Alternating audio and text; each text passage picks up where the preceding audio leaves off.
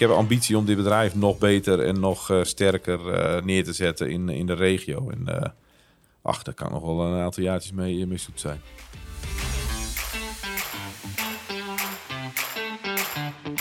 Dit is Wordt Groter, een podcast van FC Groningen.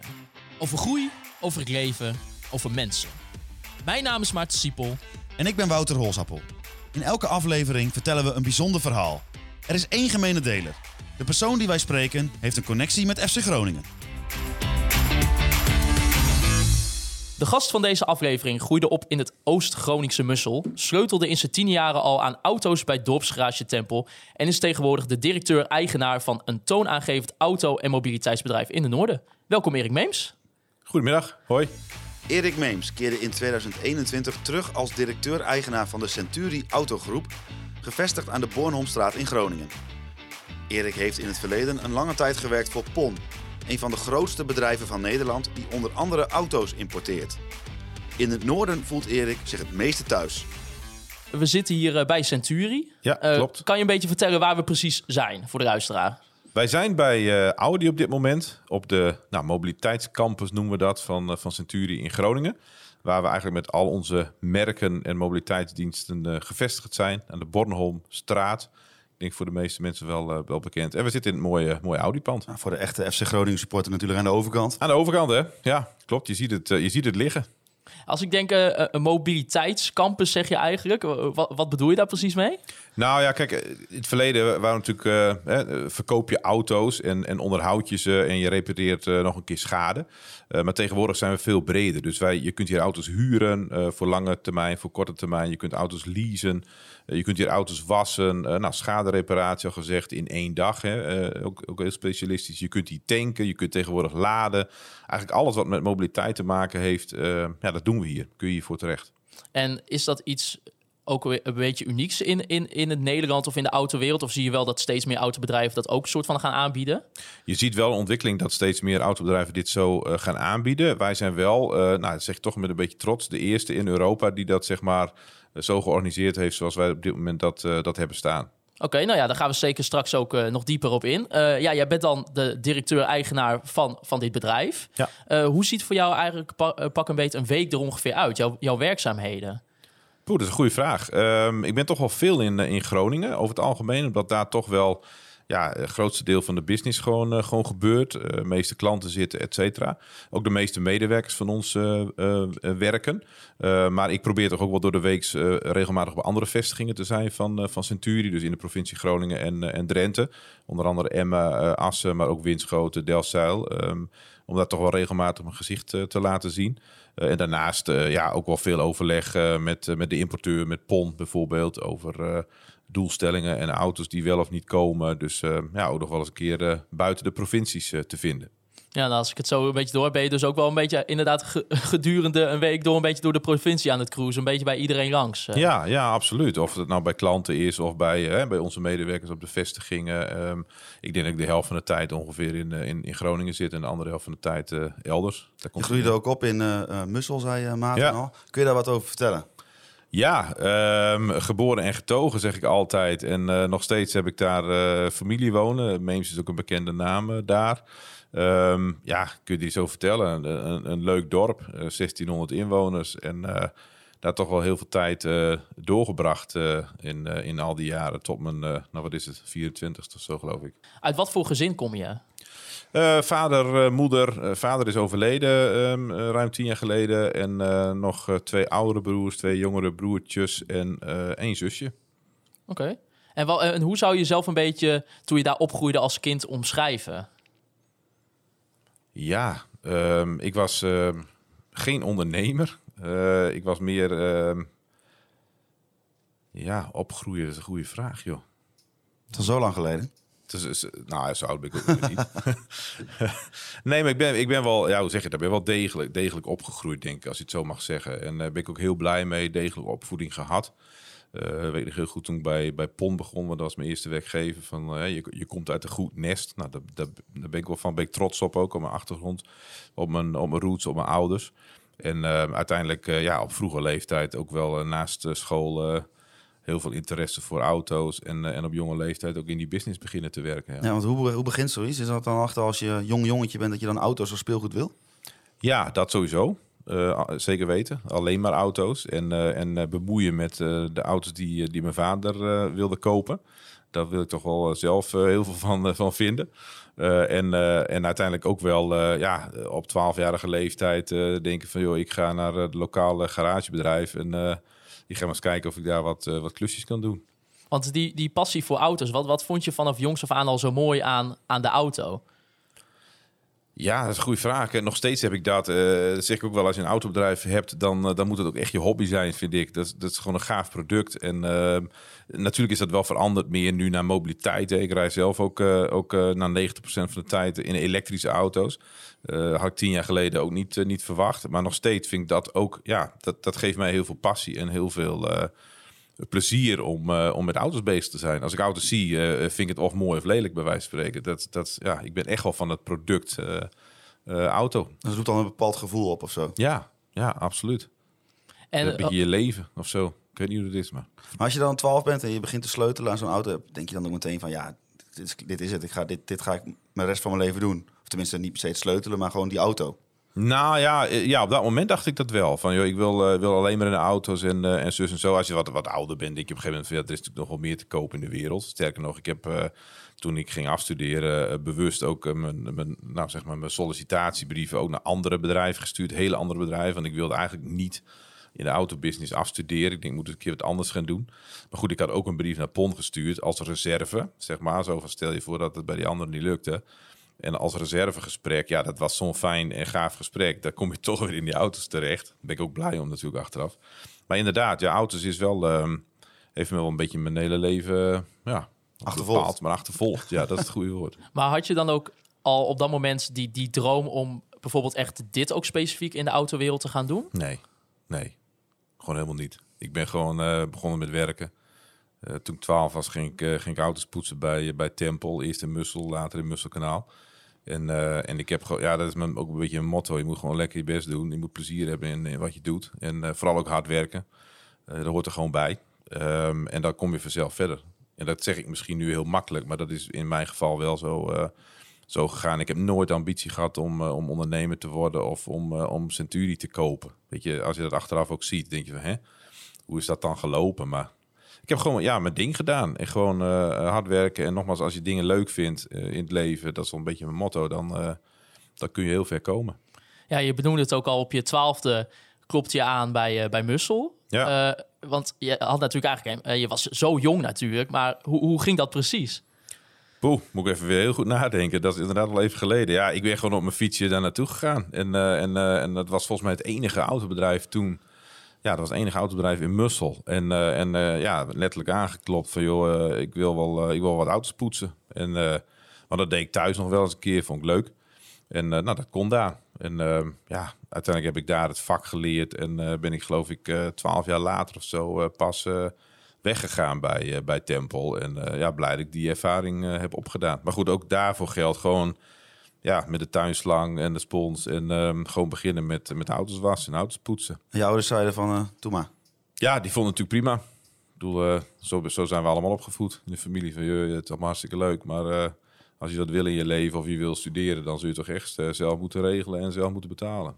Want hoe deed je dat dan met, in combinatie met je middelbare school? Vaak werkte je bijvoorbeeld bij die dorpsgarage? Nou, ik denk dat ik daar toch wel bijna elke dag was, na schooltijd. En, en, en als het kon, s'avonds. En ja. later uh, sowieso iedere zaterdag. En dan waren er dan bijvoorbeeld uh, vrienden die zeiden van... Uh, ben jij nou allemaal aan het doen? Ja, die waren er wel, ja.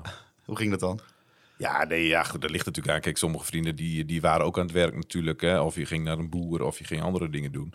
En ik was toevallig gek van auto's. en, ja, en sommige vrienden gingen niet werken. Ja, prima. Ik bedoel, uiteindelijk, nogmaals, je moet vooral dat soort dingen zelf bepalen... wat je, wat je leuk vindt om te doen. En, uh, maar goed, uiteindelijk, soms spreek je natuurlijk nog eens van die vrienden over hoe dat toen was. En dat is ook altijd wel weer mooi om te zien hoe iedereen uh, dan toch weer terechtkomt, zeg maar, op zijn of haar uh, plek. Maar ja. wat zeggen ze dan tegen jou bijvoorbeeld nu? Nu? Ja, weet Heb je een auto eh, voor mij? Ja, dat wel. Heb je nog een beetje korting?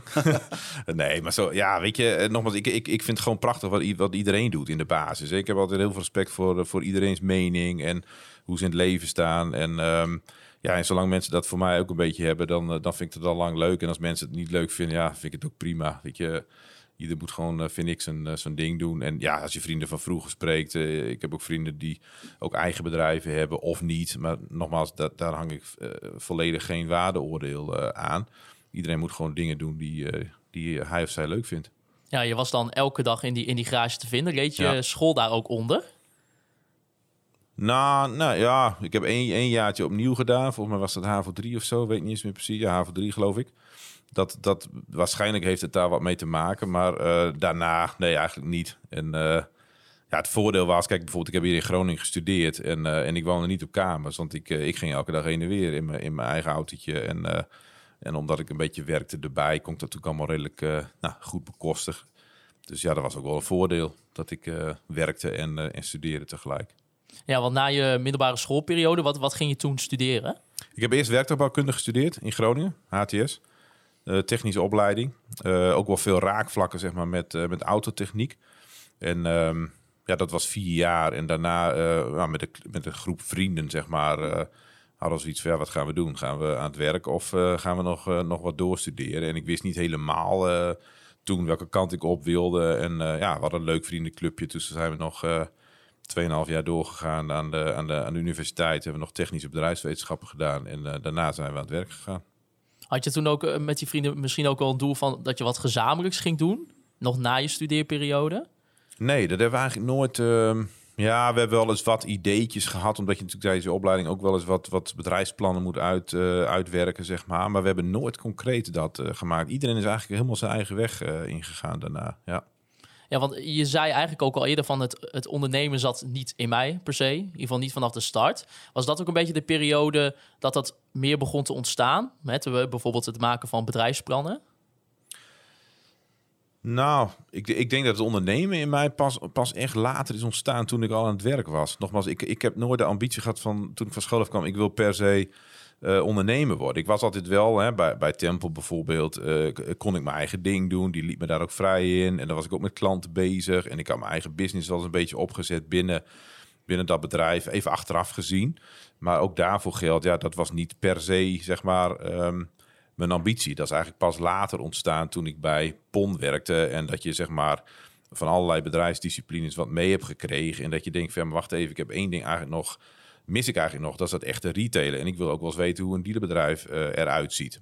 Dus dat was eigenlijk het moment zeg maar dat ik in dienst van PON eh, hier in Groningen eerst zeg maar als, eh, als directeur aan de gang kon. En daarna eh, het bedrijf kon kopen. Toen bleek dat ik het leuk vond en, en PON het ook leuk vond, zeg maar, dat ik iets had. Heb je eigenlijk dan een beetje, bijvoorbeeld bij Tempel, dat je onbewust gewoon iets doet waar je heel leuk vindt. En als je dan terugkijkt, hey, Ja, eigenlijk was ik er best wel goed in en ik heb gewoon echt iets opgebouwd. hè? Ja, nou, nou, zo, nu, nu het zo vraagt, zeg maar, denk ik van ja, misschien was dat wel het moment dat je. eh, ik, wat dat betreft, eh, Ernst Tempel, de eigenaar nog steeds, hij zit er nog steeds in Musselkanaal. Daar heb ik wel heel veel aan te danken. Daar heb ik gewoon heel veel geleerd. En hij liet mij ook vrij. En dat vind ik ook wel het motto wat ik zelf ook gebruik richting mijn mensen. Joh, eh, ga maar ondernemen binnen mijn onderneming. Eh, En als je dat goed doet, ja, weet je, dan, dan zijn we allemaal hartstikke blij. Maar inderdaad, dat is wel goed wat je zegt. Eigenlijk, eigenlijk als je dan nu terugkijkt, denk je van ja, ja, ik was daar ook wel met mijn eigen business bezig en te ondernemen. Maar niet dat ik daarna, hè, dat was een beetje tijdens mijn studietijd, niet dat ik dan toen ik klaar was met mijn studie en dus stopte bij, eh, bij Tempel, dat ik dacht van ik wil ondernemer worden. Dus dat, dat ja, dat Het hoeft al, altijd niet zo bewust aanwezig Nee, joh, te zijn. nee, absoluut niet. Nee. nee. Maar denk je dat het wel goed was hè, dat je in die periode dat je studeerde, eh, dat je dat werk er ook alvast na bij deed? Dat je Ja. eigenlijk die praktijkkennis Ja. al had? Ja, ja, daar geloof ik in. Dat zeggen we ook tegen onze eigen kinderen. Je moet gewoon ja, zorgen dat je een baan krijgt. En maakt helemaal niet uit wat je doet. Maar als je gewoon bezig bent en je, en je, en je leert met klanten omgaan... of met tegenslagen of, of, of, of, of een leidinggevende die een keer narig wordt... ja, weet je, laat het maar gebeuren. Want dat, daar leer je gewoon heel veel van. Wat, heb jij ook daar een specifiek voorbeeld van, dat je, waarvan je echt leer, iets leerde wat je nu nog steeds zeg maar, een soort van kan toepassen? Van die periode bij Tempel? Ja, wat ik denk geleerd heb, is dat je, dat je in alle omstandigheden, zeg maar, ehm, er komt altijd een oplossing. Of, of de wal keert het schip, hè. Dat, dat hoor je ook wel eens een keer. Want ja, de, de uitdagingen kunnen nog zo groot zijn. Dat zag ik toen, denk ik, ook wel stiekem. eh, je, je groeit er altijd wel in mee. Hè? Je, je hebt heel vaak dingen dat je bijvoorbeeld in de autobranche... er veranderen natuurlijk heel veel dingen. Zeker de afgelopen tien jaar. Eh, elektrificatie bijvoorbeeld. eh, eh, allerlei, allerlei dingen. Alleen je ziet gewoon, als je daar maar gewoon middenin sta- staat... en je let goed op en je bent flexibel... dan kijk je twee jaar later terug en denk je... oh, ja, nou, ja, dat ging eigenlijk ook wel... een soort van vanzelf. En dat was in die tijd ook. Ik bedoel, toen was de automotive ook al heel erg aan het veranderen. Toen kregen we computers en moesten we auto's uitlezen. En dan wisten we in het begin ook helemaal niet wat we, hoe dat werkte. Nou, dan ben je twee jaar verder. Dan denk je, oh ja, dat is eigenlijk ook wel prima te doen. En eh, je gaat bij je afstudeerstage eh, ga je allereerst naar Volkswagen Ja. in Duitsland. Ja. Was dat ook het moment dat je voor het eerst ja, op kamers ging? Nou, sterker nog, ik zat niet eens op kamers. Ik, eh, ja, wat dat betreft ben ik, ben ik misschien wat, wat traditioneel. dat ik, ik heb altijd thuis gewoond, ook toen, in die tijd. En ik was met een studievriend, die woonde overigens wel op kamers hier in de stad. Maar ik, eh, ja, we stapten altijd in, ik weet nog heel goed, in Winschoten stapten we bij elkaar in de auto, kaalpoelplek. En dan gingen we met de auto naar, naar Emden. Elke dag heen en weer. En hoe lang was je dan onderweg? Ik geloof een uur en, eh, en 20 minuten of zo. En hoe komt dat, denk je, dat je toch bijvoorbeeld niet voor zo'n stageperiode dan daar tijdelijk wilde wonen? Nou, eh, in Emden wil je niet wonen, want daar is niet zo heel veel te doen. Dat is één. En, en twee, ehm, ja, ik weet nogmaals, ik, ik, ik was altijd aan het werk. En ik had mijn autootje en eh, ik kon me prima redden. En ja, weet je, ik had, ik had daar op een of andere manier geen behoefte aan. Achteraf gezien denk ik wel eens, oh, ik had, ik had misschien wel even twee of drie jaar eh, in, de, in de stad moeten wonen. Dat was natuurlijk een mooie ervaring geweest. Dus bij, bij onze eigen kinderen, bij mijn dochter, adviseer ik dat juist weer wel. Van, joh, eh, eh, ga maar zien wat dat, wat dat leven brengt. Maar ja, nee, ik ben gewoon in die zin wel redelijk altijd, altijd thuis gebleven. Ik ben toch wel benieuwd naar een directeur-eigenaar van een autoconcern, zeg maar. Wat was jouw eerste auto? Een Volkswagen Jetta. Dat ken je denk ik niet. dat, is, dat was 19, eh wat was dat? 1999, denk ik, een beetje die tijd. Was een, ja, was een, eh, eigenlijk een, een beetje een, het is een redelijk ouderwets model. Maar goed, we hadden natuurlijk daar andere wielen onder gezet en verlaagd. En eh, ja, we waren natuurlijk de koning van het dorp. Dat was natuurlijk, we hadden nog een VW-club, weet ik nog wel. Iedereen die zag jullie wel aankomen. Ja hoor, dat was, was een clubje met tien, tien auto's of zo, geloof ik. Vrienden die allemaal getuned waren en opgedirkt. En eh, wij vonden het allemaal prachtig. En eh, ja, achteraf kun je er heel hard om lachen. Dat is leuk. Want waar ging je dan die, die onderdelen allemaal halen? Eh, onderdelen voor Tempel bedoelde je? Nou ja, of voor je eigen auto. Ja, nou ja, goed. Ik, ik werkte natuurlijk bij, bij een garage. Dus weet je, daar kwam natuurlijk heel veel... er werden auto's ingeruild of de- er ging een keer een auto was kapot. die kon niet meer gerepareerd worden. Maar er zaten nog wel interessante onderdelen op. Dan ging je dat er natuurlijk opschroeven. Van je laatste nou, euro's die je nog had, zeg maar. Dat was echt natuurlijk... eh, je was altijd een soort van eh, failliet als je in zo'n auto reed. Maar ja, dat, dat hoort er ook een beetje bij. En eh, bij, tijdens je stage dan in, in Duitsland, was het voor jou ook heel interessant om eens een keer in een ander land te kijken hoe, Ja. hoe ze daar met auto's Ja. omgingen?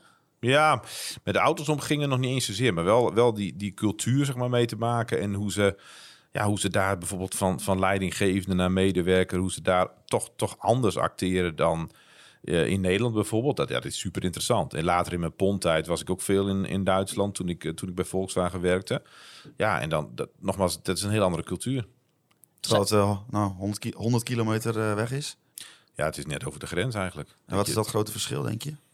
ik vind, vind mensen in Duitsland veel. ehm, ja, misschien nog wel iets, iets. Niet dat ik de Nederlandse cultuur niet goed vind, maar ik vind Duitsland wel. eh, daar zijn ze wat, wat, wat directer en hebben ze wat meer respect voor, eh, voor eh, denk ik, voor, voor, ja, voor de baas, maar voor de leidinggevende. Ik vind baas een beetje een raar woord, maar da- daar is veel minder overleg. In Nederland moeten we alles bespreken en alles overleggen. Iedereen vindt er wat van. In Duitsland, als, als, als nou de leidinggevende wat zegt, nou, dan moet je wel een heel goed argument hebben om het, om het niet te doen. Ja, en daar hou ik aan één kant wel van. Weet je, ehm, ik ben zelf ook niet iemand die eh, hele lange vergaderingen wil over, eh, over allemaal strategieën en dan de hele wereld erbij betrekken om, eh, om uiteindelijk tot een antwoord te komen. Dat, dat doen ze in Duitsland echt beter, vind ik.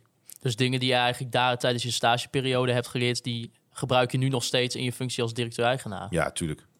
Dat, dat zijn ervaringen uit je leven ehm, en dat geldt voor alles, maar dat, dat, natuurlijk gebruik je dat bewust of onbewust. Ja, op, je gaat ook stage lopen bij PON. Ja, Daar zou je vervolgens ook jaren gaan werken. ja. Eh, allereerst, hoe, hoe was die stage bij PON? En wat, wat deed je eigenlijk daar ook precies? Ehm, Ja, dat, dat is wel, was wel, wel mooi. Dat was in, in 2000, geloof ik, ben ik daar begonnen, of eind 99. Toen waren ze net uh, importeur geworden van Skoda. Dat was natuurlijk uh, het Tsjechische merk wat toen nog... Nou, iedereen praatte daar wat, wat, wat minachtend over. In die tijd was het natuurlijk ook een heel andere auto dan wat het nu is. Uh, maar daar hadden ze eigenlijk nog niet echt een, een, een after-sales afdeling, een service afdeling. Hè, ze verkochten wel auto's via dealers, uh, maar ze hadden niet echt een systeem om hè, bijvoorbeeld nou, die accessoires waar we het net over hadden. Uh, wielen of spoilers, wat dan ook, radio's, om die goed uh, aan de man te brengen. En mijn rol was met mijn afstudeeropdracht van, joh, ga maar eens kijken hoe we uh, kunnen zorgen dat de omzet in die onderdelen en accessoires, dat die omhoog gaat voor het merk Skoda. En toen ik daarmee klaar was met die opdracht, zeiden ze, nou, dat is hartstikke mooi. We hebben nog geen, geen functie, niemand in dienst die dit, die dit doet, of die dit kan. Dus ga, ga maar in de praktijk brengen. En hier heb je je verslag, je hebt zelf geschreven hoe het moet, dus succes. En toen was je, was je eigenlijk weer ondernemer? Ja, je, het was wel weer een beetje je eigen. Het was helemaal nieuw. En, en ze hadden het nog niet. We moesten het helemaal uitvinden. Dus we hebben ja, hele lijsten gemaakt met accessoires, met radio's en, uh, en allemaal accessoires uh, op Skoda's en onderdelen. En ja, die moesten de dealers dan kopen, zeg maar, voor hun klanten. Was dat ook een beetje uiteindelijk het punt? Want je ging er daar ook uiteindelijk werken. Maar was die stageperiode daar ook wel dat je dacht van oké, ik wil je echt gewoon nu volledig in verder? Ja, op dat moment wel. Ook omdat, um, uh, zeker zeg maar, de, ja, PON, zeg maar, waar je dan stage loopt, dat, ik vind dat nog steeds een prachtig bedrijf. Ook, ook nuchter, no nonsense en, uh, en ga maar gewoon aan het werk en uh, daar kom je vanzelf verder. Overigens woonde ik toen wel op kamers, moet ik nog wel even bij zeggen. Toen reed ik niet heen en weer. Maar um, ja, dat, dat, ja, dat was wat moment. Ik denk, veel, dit is wel, dit is gewoon wel voor mij bedoeld, zeg maar, die automotive en... En, en het bedrijf Pol nogmaals, dat, ja, dat, dat sprak me heel erg aan. Ja, want wat waren dan, dan dingen in dat werk dat je dacht, oké, dit past echt goed bij mij? Ja, het, het, mensen bij elkaar brengen, denk ik. Dus dat je, zeg maar, uh, we hadden zowel contact met de fabriek in Tsjechië toen als met, met de dealers. Dat je, zeg maar, een soort van ja, schakel bent tussen de fabriek, die, die zeg maar, de auto's en de spullen levert, en de dealers die ze weer moeten afnemen om aan hun, aan hun klanten te verkopen. En ja, we hebben dat van, van de grond af aan opgezet. En dat, dat vond ik leuk. Gewoon pionieren. Maar ook wel, zeg maar, vanuit die tijd daarvoor natuurlijk. Dat je, ik bouwde zelf radio's in en ik monteerde trekhaken onder de auto's. Dat, ja, daar heb je dan toch feeling mee. En als je dat dan mag doen op landelijk, landelijk niveau voor, voor zo'n merk, ja, dat is natuurlijk fantastisch. Ik bedoel, ja, beter kan niet. Want voor de mensen die PON niet kennen, dat, dat is een heel groot bedrijf hè, ja. binnen de autowereld. Ja. Ja, ja, dat is natuurlijk de, de importeur van, van Volkswagen, Audi, Seat, Skoda. Uh, onder andere en Porsche en nog, uh, nog een heleboel andere dingen meer. Dat is wel, wel een grote speler, ja. Ja, daar heb je vervolgens dan uh, tot 2012 voor gewerkt. wat was op voor jou het punt dat je dacht, oké, ik ga de aandelen voor Centuri of van Centuri kopen en ik word eigenaar van een, mijn eigen autobedrijf? Ja, toen ik hier naartoe ging vanuit, uh, vanuit PON, zeg maar, uh, was al een beetje de insteek van, joh, uh, ga er naartoe. En dan als, als, nou, ik was in loondienst van PON inderdaad. Er moest wel wat gebeuren bij Centuri. En er moesten wat, wat, wat overnames gedaan worden, wat bedrijven samengevoegd.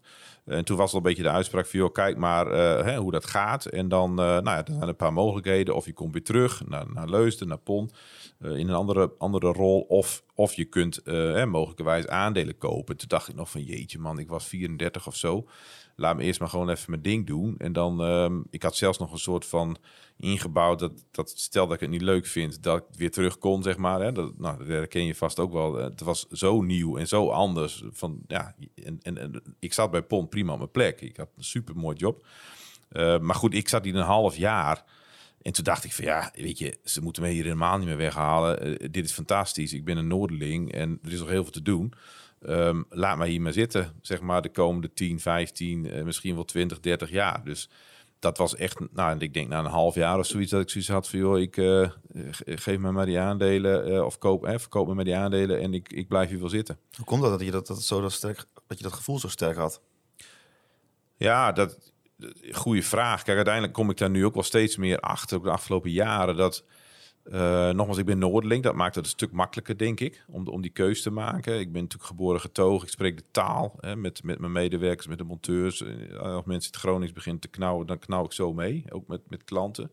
Ik denk dat dat in het noorden uh, heel erg helpt. Dat je zeg maar hè, met lokale ondernemers samen dingen doet. En, uh, en zorgt dat die, dat die, ja, die noordelijke economie, zeg maar ehm, nog verder gaat, eh, gaat groeien. Dat vind ik het mooie aan, aan het noorden en aan dit bedrijf. En ik denk dat een bedrijf zoals deze ook baat heeft bij een, een noordelijke eigenaar. Ik denk dat dat gewoon helpt.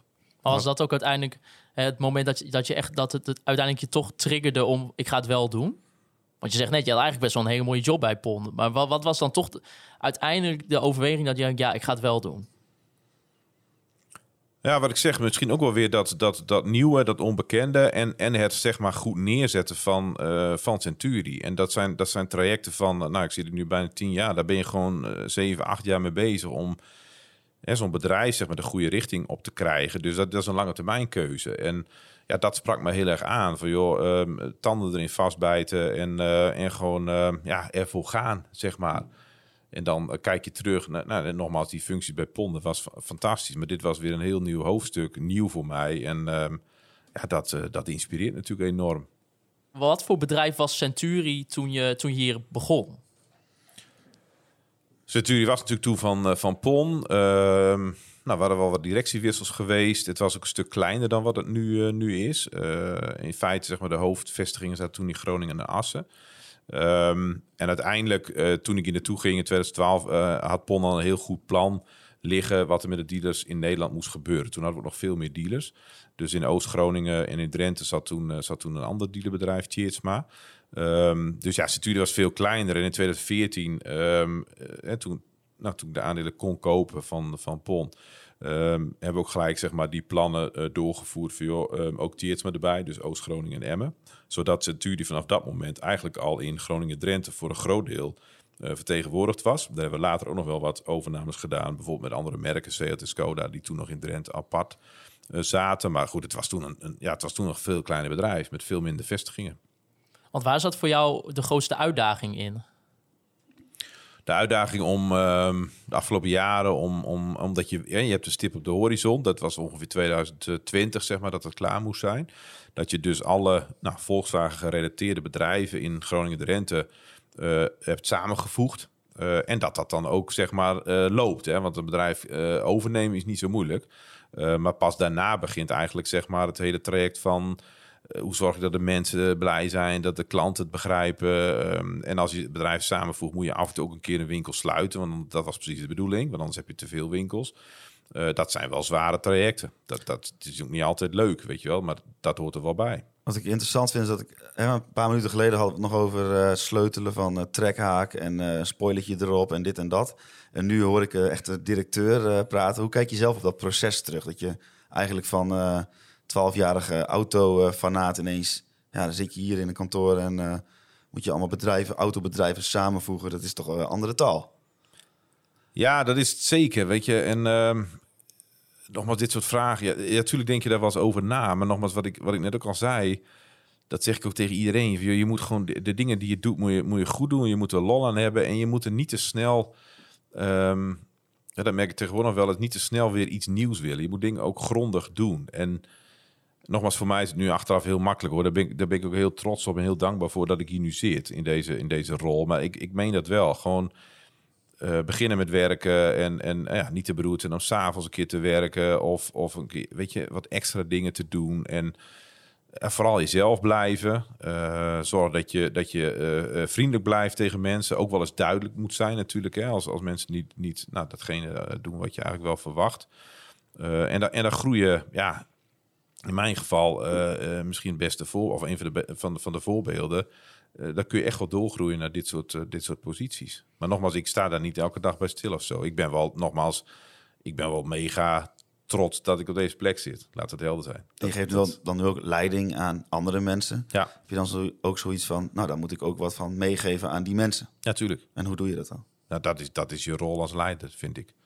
Dat je zeg maar je mensen meeneemt in, in ja, het proces van, van hè, hoe kun je nou verder komen of hoe kun je nou zorgen dat je mensen voor je eh, blijven werken en dat je het teamgevoel nog, eh, nog versterkt, et cetera. En hoe doe je dat? Ja, dat, dat kan maar door één ding, door, door je voorbeeldfunctie. Gewoon dingen zo te doen zoals jij eh, denkt dat ze goed zijn en dat mee te geven, zeg maar, aan, aan je managers en aan je mensen. Pakte je dat leiderschap een beetje makkelijk op? Al vrij snel? Nou, dat gaat met vallen en opstaan. Nee, ik heb eh, ook enorme fouten daarin gemaakt, achteraf gezien. Heb je daar voorbeelden van? Maar altijd oppassen als je zoiets zegt, want dan worden er altijd voorbeelden gevraagd. Ja, ja, nee, dat weet ik. Ja, wel, wel, nou, wat, wat vooral zeg maar in leiding geven, vind ik, je moet een, een leider moet eh, rust uitstralen. Die moet, moet, moet zorgen dat hij in ieder geval net doet alsof hij het overzicht heeft, zeg maar. Ik bedoel, ik heb ook lang niet altijd overzicht, maar je moet natuurlijk wel uh, richting je mensen uitstellen dat je dat doet. In het verleden was ik wel eens uh, te ongeduldig, bijvoorbeeld. Dat ik gewoon al veel te snel had besloten als ik iemand aan had genomen of een bedrijf had overgenomen. Denk van ja, maar die, die, die, man of vrouw, dat, dat komt niet goed, weet je wel. Dat past niet bij mijn bedrijf. Of bepaalde vestigingen, um, ja, dat je denkt van ehm, ja, die ga ik sluiten, want dat uh, werkt allemaal niet. En dan ga je nog eens een keer goed analyseren. Dus je neemt de tijd, hè, je hebt de rust om een... Je moet gewoon de, een rust nemen om goede keuzes te maken. En dat heb ik in het verleden wel eens, uh, wel eens te snel gedaan, ja. Zat je soms ook wel eens thuis of, of lag je wel eens in bed... en dat je echt zat te malen over hoe je dingen moest gaan aanpakken? Ja, ja zeker. Ja, dan is, dan is de stap zeg maar vanuit een, een, een in loondienst zijn in Leuzen naar, naar het eigen ondernemerschap is ook wel een best wel een hele grote, zeg maar. Merk je dan achteraf. Dat, je komt allemaal nieuwe dingen tegen, ja. Hoe, hoe ging je daarmee om? Gewoon doorgaan? Of had je nog wel echt uh, sommige momenten dat je misschien echt wel... Pff. Ja, kijk, die, die, die momenten heeft iedereen wel, denk ik. En ik, ik, ik, dat heb ik ook geleerd ooit van, van een van mijn leidinggevenden. Je moet vier van de vijf dagen of bij ons vijf van de zes dagen dat je werkt, moet je, moet je het een beetje naar je zin hebben. En, dat is denk ik het belangrijkste. Je hebt altijd allemaal wel een moment in de week of een dag in de week dat je denkt van goeie dag joh, ik vind het allemaal niet meer leuk of waar ben ik aan begonnen. Maar zolang dat maar bij één dag blijft in de week, dan, dan, kan, dat, dan kan dat prima. Uh, maar ik heb altijd, altijd de mentaliteit gehad. En, en natuurlijk, daar, heb je, hè, daar praat je over met je vrouw of met, met, met, met bekenden of met vrienden. Uh, ja, dat is ook belangrijk. Dat je af en toe wel tegen andere mensen dat even aanhoudt. Van, ik zit hiermee. Heb jij misschien nog ideeën? En, en daar komen vaak hele verfrissende antwoorden. Dat je denkt, oh ja, zo heb ik er helemaal niet naar gekeken. Of dat iemand anders zegt, joh, eh, maak je niet zo druk, joh. Is dit, is dit nou het belangrijkste in je leven? Dan denk ik, oh nee, nee, dat valt eigenlijk ook wel mee.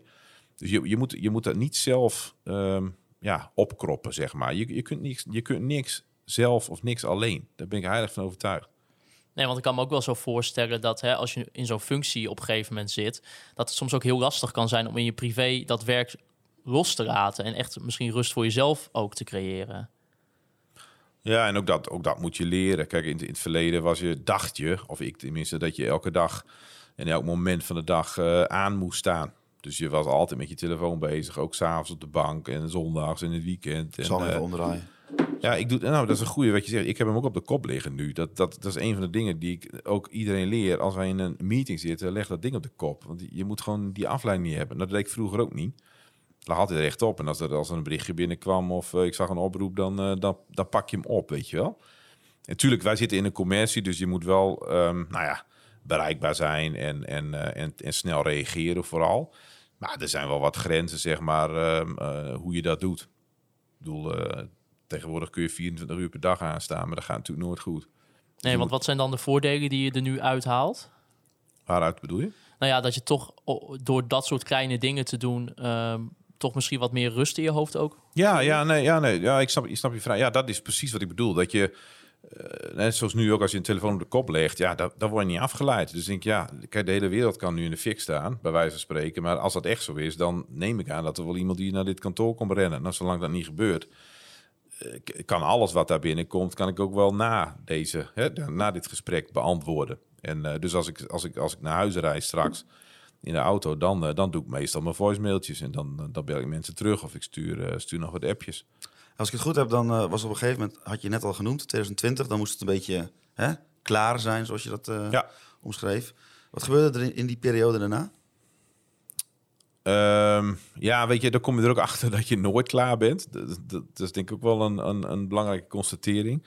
Ik, ik zeg ook nooit meer, uh, bijvoorbeeld thuis, dat heb ik nog eens gedaan tegen mijn vrouw of kinderen van, joh, volgend jaar wordt alles beter of dan wordt het rustiger. Want ja, dat, dat, zit dan blijkbaar toch in je bloed, dat ondernemen. Dat je toch altijd wel weer kansen ziet van, uh, eh, potverdikke, dat moet ik eigenlijk ook nog doen, dat hoort er ook nog bij. Uh, kijk, wat, wat wel belangrijk is, 2020 was echt wel een jaar dat we de overnames die we moesten doen voor zeg maar, het totaalplaatje van, van Groningen-Drenthe, die waren afgerond. Dus dat was voor mij in ieder geval wel een heel ja, een mooi moment, zeg maar, om te zeggen: oké, dat staat nu. De campus hier was, ook, was ook klaar. Ehm, dus in die zin was dat wel echt een eikpunt. Maar goed, we hebben dit jaar natuurlijk ook weer uh, uh, Autoservice Pruis overgenomen, omdat dat dan, nou ja, min of meer toevallig uh, voorbij komt. Hè, of er ook, ook wel een noodzaak kwaad was om het over te nemen, gezien de omstandigheden van, van Pruis. Um, en wat ik zeg, je staat nooit stil. Maar goed, dat zijn dan dingen die. de, grote, nou, de grote afronding was wel geweest, zeg maar, 2020. Ja, je hebt je bedrijf Centuri ook weer verkocht, maar toch weer teruggekomen. Ja, dat was vorig jaar. En um, ook dat zijn uh, dingen, ja. Uh, ik ben blij dat ik het gedaan heb. Ik, ik ook heel trots dat ik door, door PON werd gevraagd om daar in de, in de directie uh, plaats te nemen. Prachtige functie, mooie dingen gedaan. en tegelijkertijd bleef Groningen, Centuri, mijn mensen, de regio, de klanten enorm aan me trekken. En, maar goed, nogmaals, ja, je moet dingen soms ook ervaren voordat je een goede keus kunt maken. En dat was in dit geval zo. En uh, ja, ik, ik, ik hou nog steeds verschrikkelijk veel van PON. Ik vind het een fantastisch bedrijf. Ze zijn overigens ook nog aandeelhouder bij mij. Uh, maar ik ben heel blij dat ik weer ondernemer ben. Wat heb je in die korte periode uh, het meest geleerd? Dat de regio Groningen en de klanten en, en zeg maar um, ja, het met mensen omgaan, op de vloer staan, dat dat gewoon perfect bij me past. En hoe reageerde men dan hier dat je, dat je na die korte periode toch weer terugkwam? Ja, ze deden in ieder geval richting mij alsof ze heel blij waren. maar ja, nee, ik, iedereen was natuurlijk wel verbaasd. Maar weet je, dat, dat, dat, ja, daar kun je heel ingewikkeld over doen. Maar na een week denkt iedereen weer van... oké, we gaan weer door met uh, wat gebleven is. En het was natuurlijk een hele korte periode. En um, ja, uiteindelijk, joh, ik zit weer uh, prima in mijn vel. En als ik goed in mijn vel zit en als directeur-eigenaar... dan zit Centuri in principe goed in zijn vel. Want zo werkt dat. Als ik zagrijnig ben of ik heb het niet naar mijn zin... dan merkt iedereen dat. Nou, dat is niet, dat is niet het geval. Integendeel. Wat ik een beetje uit uh, dit uh, verhaal tot nu toe haal, de, ro de, rode draad is toch wel een beetje het noorden. Ja. Ja. En is dit ook verder verweven in hoe jij vindt dat hè, het werken eruit moet zien? Nou, wat ik al zei, ik, ik geloof heel sterk in, in, in lokaal ondernemerschap. En dat vond ik ook heel mooi, zeg maar, wat, wat, wat Wouter Gudde toen in het eerste gesprek, toen hij directeur SC Groningen was hier, zei, er was heel snel. Ik weet niet, binnen enkele dagen zo zat hij hier aan tafel. Ik nou, wat hij hier dan? Maar toen sprak Wouter heel duidelijk uit van, ik, ik wil met lokale ondernemers het liefst uh, zaken doen. En um, ja, dat, nou, dat soort uitspraken vind ik gewoon geweldig. En, en um, ik merk ook dat dat ja, dat heel veel brengt. Als wij iets verbouwen of wij moeten iets nieuw bouwen of, of de schoonmaak of wat dan ook. Dat doen we met lokale bedrijven. En, en ja, ik denk dat dat gewoon, uh, ja, je moet elkaar gewoon een beetje in leven houden, zeg maar, in het noorden. Want is dat dan gewoon een beetje het gevoel van, ja, we doen het toch allemaal als regio samen? Ja, ja. Ja, absoluut. Ik geloof daar heel sterk in. Alleen met Wouter Gudde kun je geen Gronings praten. Nee, dat klopt. Maar goed, misschien gaat hij dat nog leren. Weet ik ook niet. Nee, maar dat maakt niet uit. Kijk, uh, Wouter is wel, eh, qua karakter past hij wel heel goed in het noorden, laat ik het zo zeggen. En ik denk dat dat, dat dat gewoon belangrijk is. Dat je gewoon doet wat je zegt, dat je aan afspraken houdt en dat je inderdaad elkaar lokaal opzoekt. Um, daar kom je gewoon hier in het noorden in ieder geval. Daar kom je overal ver mee. Maar zeker als je dat in het noorden goed met elkaar doet, dan, uh, ja, dan, dan versterk je elkaar. Ja, want jullie hebben ook een samenwerking met FC Groningen. Wat, wat ja. doen jullie precies samen?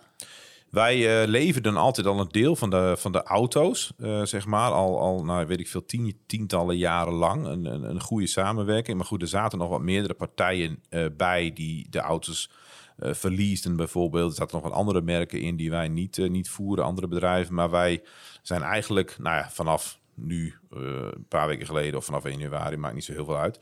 Zijn wij de exclusieve mobiliteitspartner van, van de club. Daar ben ik echt ongelooflijk trots op. Dat betekent dus dat wij alle auto's leveren. Voor zowel spelers als, uh, als zeg maar de medewerkers van de, van de FC. Uh, wij leveren ze ook in, in onze eigen lease, hè, Century Lease. Dus met Century Lease leveren wij uh, auto's. als, als de busjes gehuurd moeten worden, leveren wij de busjes. Dus ja, eigenlijk de mobiliteitspartner van, van de club. En ja, los van de wedstrijden... Um, en natuurlijk de sponsoring, et cetera. Uh, door de week natuurlijk met de programma's van FC Groningen mee naar de scholen. Ook daarin weer die regionale ja, zichtbaarheid, zeg maar.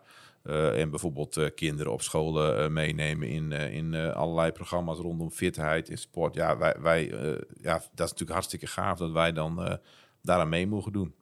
Want vind je dan eigenlijk dus dat je, hè, ook al ben je in een autobedrijf, dat je, dat je het mooi vindt als je kan bijdragen aan de regionale ontwikkeling en misschien ook wel een maatschappelijke rol kan Ja. hebben dus? Ja, ja, ja, hele goede vraag. En dat zit, dat zit ook in de visie en de strategie van, eh, van, van de club, van de FC. Eh, en ja, en, en, en nogmaals, daar wordt ook heel vaak over gepraat, maar wij proberen dat wel heel concreet te doen. Hè. We zijn ook onlangs weer, eh, wij waren al hoofdsponsor van, van de jongere commerciële club bijvoorbeeld. Daar zijn we nu levenslang partner van geworden, hoofdpartner, omdat we ja, weet je, ook- ik, ik wil ook van de jongeren horen hoe zij denken over mobiliteit. En, en, en ook hun, eh, nou, hè, bij wijze van spreken ook nog kunnen adviseren over, over loopbanen of over eh, eh, ja, mogelijkheden die zeg maar, de lokale economie biedt. Dus we proberen echt wel maatschappelijk ook eh, ja, in de markt aanwezig te zijn. Absoluut. En is FC, FC Groningen daar een belangrijke partij in? Ja. ja, ik denk misschien wel de belangrijkste. Als je kijkt wat voor impact zo'n club heeft op de regio, dan eh, ja, dat vind ik enorm. Dat, dat, is, dat is super gaaf. En nu is het natuurlijk allemaal even op de tanden bijten tot we allemaal weer naar de wedstrijden mogen. Maar eh, ja, dit, dit, wat ik zeg, niet alleen eh, tijdens de wedstrijden, maar ook door de week. Dat is natuurlijk een enorme spin-off. En daarin kun je gezamenlijk gewoon onze posities verder, verder verstevigen. Ja. Ja, want ook over die ontwikkeling. Je zei eerder in dit gesprek dat hè, die hele mobiliteitscampus wat jullie hier hebben, dat jullie daarmee de eerste van Europa waren. ja. Hoe, hoe zag je zeg maar een, eh, zoveel jaar geleden al van we moeten dit gaan doen? Want als je de eerste bent, hoe, hoe kom je dan op zo'n idee? Ja, kijk, uiteindelijk, nogmaals, ik heb natuurlijk twaalf jaar bij PON gewerkt. En dan krijg je natuurlijk de, de, de plannen van de fabrikanten wel wat mee. En de merken en eh, veel andere dealers gezien. En ehm, kijk, er was al wat voorwerk gedaan hier. Hè? Dat is, het is niet zo dat ik alles zelf bedacht heb of zo, helemaal niet. Maar er stond al een deel van de campus stond hier al in 2012. En er was nog grond vrij om, eh, om andere dingen te doen. Ja, en, en, en ja, al pratende met mensen. Nogmaals, ik, ik heb dat echt niet zelf bedacht allemaal. Maar je, je moet natuurlijk gewoon veel inspiratie opdoen. Eh krijg je steeds meer inspiratie van, joh, je moet eigenlijk alle merken bij elkaar zetten. Je moet niet alleen auto's verkopen, maar ook hè, bijvoorbeeld schadebedrijf wat we hier neer hebben gezet. Een wasstraat. Nou, daar waren we ook de eerste mee, eh, in ieder geval in Nederland, die een wasstraat op zo'n campus heeft gezet. Hebben we in 2018, geloof ik uit mijn hoofd, eh, ook, ook feestelijk geopend. Maar ja, ja, je wordt gewoon geïnspireerd. Dat, dat is denk ik belangrijk. Dat geef ik mensen ook altijd mee. Ook, ook mensen die bij Centurie werken. Ga af en toe ook een keer bij een andere dealer kijken. Of ga een keer inderdaad in het buitenland bij een ander dealerbedrijf kijken. Eh, want anders, anders krijg je oogkleppen op. Dan zie je alleen nog maar je eigen bedrijf. En dan, ja, hartstikke mooi. Maar inspiratie en innovatie doe je op als je eh, ergens anders kijkt. Doe je dat zelf persoonlijk ook nog? Ja, zeker weten. Want wat doe je dan? Nou, ik heb een ideaal, eh, zeg maar, ideaal planning, maar dat lukt nog niet helemaal. Dat ik iedere vrijdag gewoon helemaal vrij hou om naar collega-dealers te gaan. Of eh, naar hele andere bedrijven. Of naar grote klanten. eh, hè, die ook, ook mm, vaak hele mooie, inspirerende dingen doen. Om daar gewoon heen te gaan. Gewoon te kijken. En, en, en elkaar te inspireren. Word je nog wel eens verbaasd als je zoiets doet? Dat je ergens komt en dat je denkt... wow. Ja, ja, tuurlijk. Ja, de- bijna altijd. Als je, tenminste, ik, kijk, je zoekt dat zelf natuurlijk ook wel uit, maar en, en ook klanten, hè, als, je bepaalde klanten in gesprek mee bent, denk je, hey, we- er komen heel veel dingen overeen. We lopen natuurlijk vaak tegen dezelfde dingen toch wel aan als het gaat om organisatie. Hoe, hoe doe je nou bepaalde zaken? Bijna ieder gesprek, maar goed, daar moet je ook voor openstaan. Haal je wel iets uit dat je denkt, oh, daar kan ik morgen wel wat, eh, wat mee doen. Bij mij op de zaak. Absoluut. En als we een beetje kijken naar de toekomst, heb je nog bepaalde dromen in deze autowereld? Nou ja, dat, zeg maar de functie van mobiliteitsaanbieder, hè, dat, dat kun je heel breed maken. Als je nu kijkt, ehm eh, hadden jullie voor dit gesprek even over, eh, eh, bijvoorbeeld deelauto's, wordt natuurlijk steeds interessanter. Hè? Dat, dat met name de jongere generatie, denk ik, toch wel steeds meer eh, is van, joh, ik heb een auto nodig of ik heb vervoer nodig. Eh, kan ik ergens een auto eh, even ophalen, zeg maar. In plaats van dat iedereen, zoals nou, ik zei de gek, op 18-jarige leeftijd heel snel zijn rijbewijs wil en een auto. Dat is toch echt anders. Eh, en ja, dat is wel mijn droombeeld om daar eh, ook nog volledig invulling aan te geven. En dan heb je het niet alleen over auto's, maar dan heb je echt de combinatie met het open vervoer, met fietsen, met scooters. We zijn onlangs carverdealer geworden, een elektrisch stadsvoertuig.